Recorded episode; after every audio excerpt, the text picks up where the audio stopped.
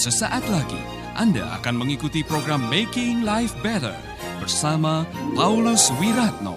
Selama 15 menit ke depan, Anda akan belajar membuat kehidupan lebih baik. Memahami kasih Tuhan. Bersama saya Paulus Wiratno dalam acara Making Life Better. Bicara mengenai kasih Tuhan tidak akan pernah habis. Mau dinyanyikan, mau dikotbahkan, mau dituliskan dalam sebuah kasih Tuhan itu tidak pernah habis, saudaraku. Mengapa?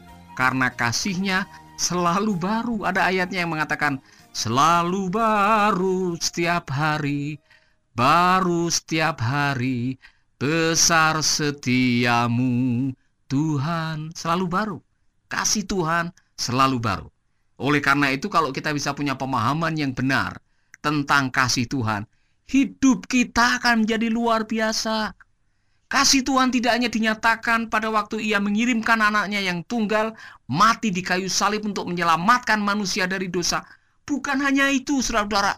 Paket kasih Tuhan itu begitu kaya, begitu dalam, begitu lebar yang otak manusia sulit untuk memahami kecuali mata hati kita diterangi oleh hikmat dan pewahyuan dari kasih Allah.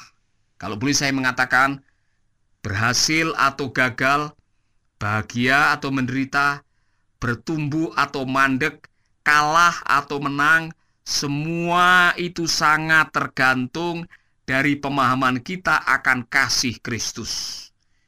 Pendek kata, kualitas hidup, pernikahan, pekerjaan, pelayanan, dan masa depan kita sangat tergantung dari pengertian dan penghayatan kita akan kasih Kristus. Amin. Itulah sebabnya Rasul Paulus pernah berdoa untuk kita semua agar dapat memahami betapa dalam, betapa panjang, dan betapa lebar kasih Allah pada kita.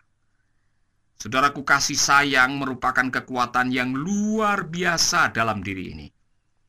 Seandainya setiap manusia menyadari betapa Allah itu mengasihi kita, maka tidak ada seorang pun yang akan merasa tertolak dan menganggap dirinya tidak berharga. Bukankah kita mendengar karena begitu besar kasih Allah akan dunia ini sehingga ia telah memberikan anaknya yang tunggal supaya barang siapa yang percaya kepadanya tidak binasa melainkan beroleh hidup yang kekal. Allah begitu mengasihi umat manusia karena hanya umat manusia yang diciptakan menurut gambar dan teladannya, menurut rencananya, bahkan bukan hanya itu saja. Allah bukan hanya mengucapkan tetapi Allah bekerja dengan keras untuk menciptakan manusia. Coba saudara membaca kitab Kejadian. Untuk menciptakan alam semesta, Allah cukup berfirman tetapi untuk menciptakan manusia, Allah membentuk manusia dari tanah liat. Dengan kata lain, Allah bekerja. Kalau saya bisa menggambarkan, mungkin Allah cari tanah liat, bawa cangkul, kemudian dia membentuk manusia, memperbaiki bentuk yang sudah dibuatnya, disempurnakannya. Setelah itu dia menghembuskan rohnya, dan manusia itu hidup menjadi ciptaan yang sungguh amat baik. Oh, saudaraku, manusia adalah ciptaan Tuhan yang sungguh amat baik. Saudara dan saya adalah produk Allah original, bukan tiruan, bukan kualitas satu, kualitas dua, bukan juga fotokopian. Kita diciptakan oleh Tuhan original, dan kita adalah ciptaan yang sungguh amat baik. Itulah sebabnya, bukan hanya Allah menciptakan, Allah membuat tempat yang sangat ideal untuk manusia bisa tinggal di dalamnya dan masih bisa bergaul dengan Allah setiap hari namanya Taman Eden. Luar biasa kan saudara-saudara? Allah membuat segalanya begitu sempurna buat manusia. Waktu manusia jatuh dalam dosa, Allah yang mencari manusia, bukan manusia yang mencari Allah. Manusia Adam dan Hawa itu ketakutan pada waktu menyadari dirinya berdosa, ia malu dan ia bersembunyi, ia takut dan dia mendengar, Adam, di manakah engkau? Saudaraku, Allah mencari. Ia bahkan membuat pakaian dari kulit binatang untuk Adam dan Hawa. Bukan hanya itu saja, Allah terus menyertai kita. Ia mengirimkan anaknya yang tunggal untuk memulihkan kita supaya kemuliaan yang hilang karena dosa itu dipulihkan kembali melalui anaknya yang tunggal. Ia mati di kayu salib berkorban buat saudara dan saya. Dan sebelum ia kembali ke surga, ia mengatakan, Aku akan meminta kepada Bapa supaya ia mengirimkan roh kudus, penghibur, para kletos itu, untuk menyertai kita. Kenapa? Karena Allah begitu mengasihi kita. Bukan hanya itu saja, ia berjanji mau datang lagi untuk menjemput kita supaya di mana ia berada, di situ juga kita berada. Kurang apanya kasih Allah dalam kehidupan manusia? Saudaraku, kita yang kadang-kadang tidak tahu diri. Kita ini manusia kadang-kadang tidak bisa menempatkan diri, kita lupa dari mana kita berasal, kita lupa siapa kita yang sebenarnya, dan karena kita kehilangan jati diri, kita kehilangan kasih Allah, kita kehilangan hadiratnya, dan kita kehilangan kebahagiaan hidup. Oleh karena itu, dengan kembali memahami betapa besar kasih Allah yang katanya panjang dan lebar, itulah yang akan membuat kita kembali merasakan kasih Allah yang luar biasa. Pernyataan yang baru kita dapatkan dari Alkitab meneguhkan kepada kita. Membenarkan pernyataan yang pernah ditulis oleh Yohanes bahwa Allah itu kasih. Oleh karena itu siapa yang lahir dari Allah, hidupnya penuh dengan kasih dan perbuatan-perbuatannya merupakan ekspresi kasih yang lahir dari dalam hati itu. Oleh karena itu, kalau kita menyadari bahwa kita adalah orang-orang umat ciptaan Allah, imamat rajani, bangsa yang kudus, maka sudah selayaknya hidup kita diwarnai dan dikuasai dengan kasih sayang. Amin, saudaraku. Nah, begini, kalau saudara pernah bertemu dengan orang-orang yang tertolak, dan saudara pernah dilecehkan, mungkin saudara akan kesulitan memahami betapa besar kasih Allah itu. Saya mau mengajak saudara merenungkan nasib seorang pemuda yang beberapa belas tahun yang lalu saya pernah ketemu, bahkan saya pernah menolong.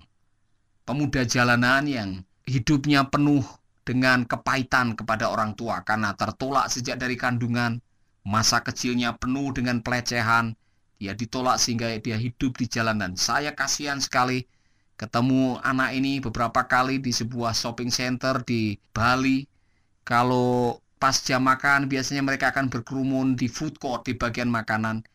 Mereka biasanya akan makan sisa-sisa dari pelanggan atau orang yang sudah makan di tempat itu kemudian pergi dan masih menyisakan makanan di meja. Anak-anak ini akan datang dan makan mereka tidur di emperan, mereka hidupnya kacau balau. Anda masih bersama Paulus Wiratno di Making Life Better.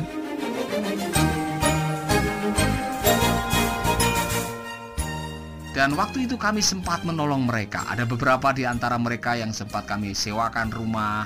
Mereka bisa tinggal, kita layani. Dan mereka sudah pernah merasakan kasih Tuhan. Tetapi betapa terkejutnya saya karena kapan hari waktu saya punya pelayanan di lapas, kerobokan, saya ketemu lagi dengan mereka.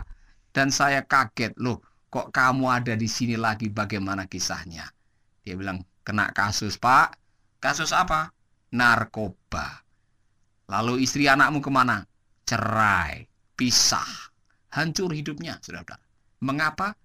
Karena dia tidak pernah merasakan kasih sayang yang sesungguhnya Anak-anak yang tertolak, mereka yang tidak tahu betapa luar biasanya kasih Allah itu.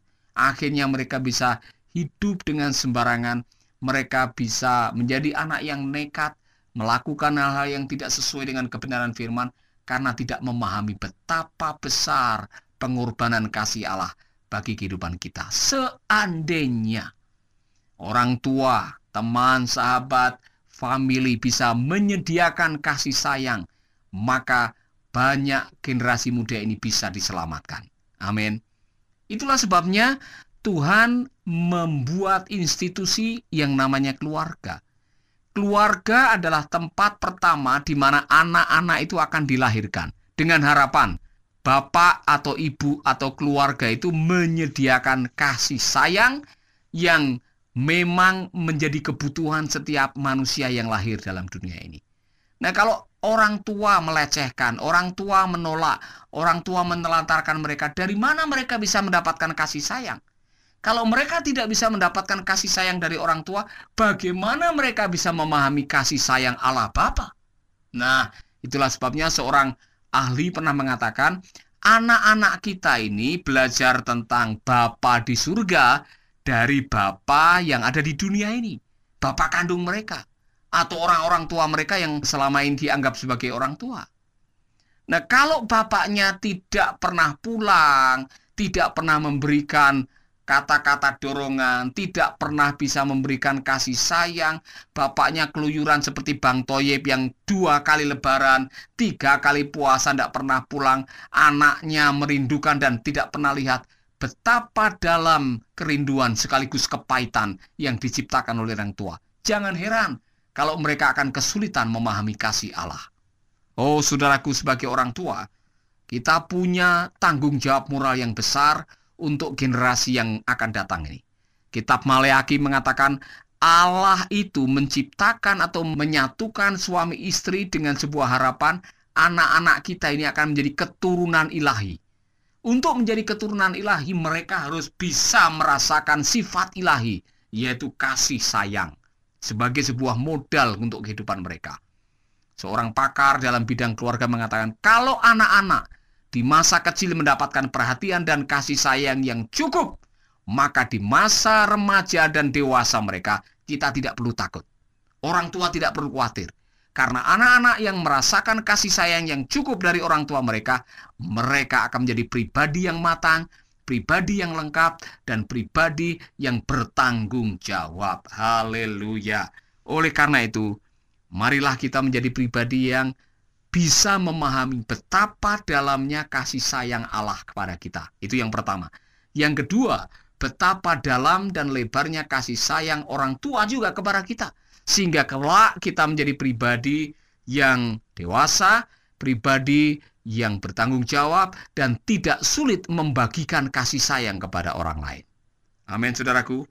Kalau saudara mendengarkan program ini dan saudara menjadi korban atas pelecehan yang membuat saudara merasa tidak berharga, saudara dibuang, saudara kadang-kadang mendengarkan kata-kata yang sifatnya merendahkan dan saudara merasa saya manusia tidak berharga atau sempat saudara menyesal dan mengatakan saya sangat menyesal punya ayah, punya orang tua, punya mama yang seperti itu. Saudaraku, jangan pernah menyimpan kepahitan untuk orang tua saudara. Jangan pernah menyimpan dendam atau amarah kepada mereka. Ampuni mereka. Dengan mengampuni, saudara bisa kembali merasakan kasih sayang. Pada waktu kita sudah bisa mengasihi dan kemudian kita datang kepada Tuhan dalam doa, indah sekali doa kita karena tidak ada halangan. Itulah sebabnya pernah ada kasus di Alkitab, ada orang yang datang ke bait Allah mau memberikan persembahan tapi masih berseteru dengan saudaranya.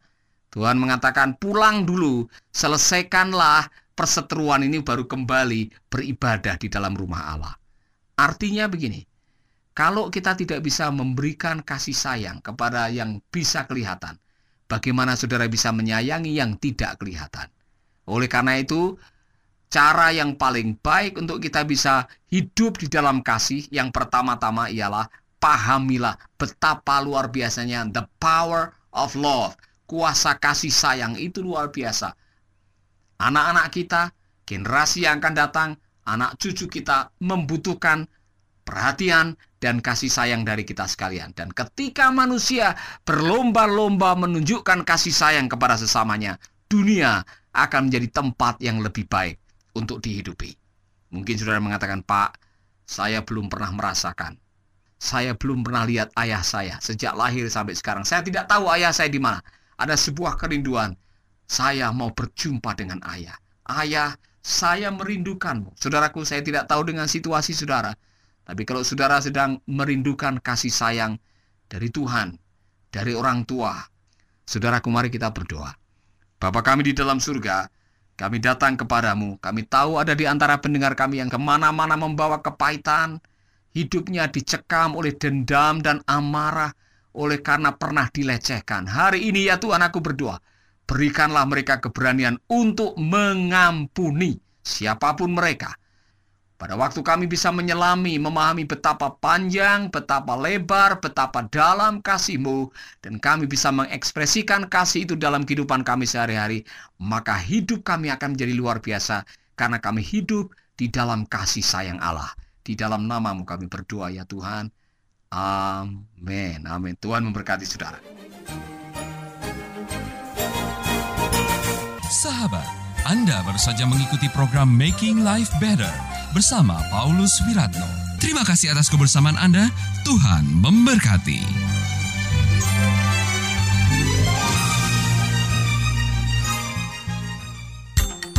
Kabar gembira bagi sahabat pecinta program Making Life Better dan Kata Bijak, mulai sekarang sahabat bisa mendengarkan program ini melalui handphone sahabat.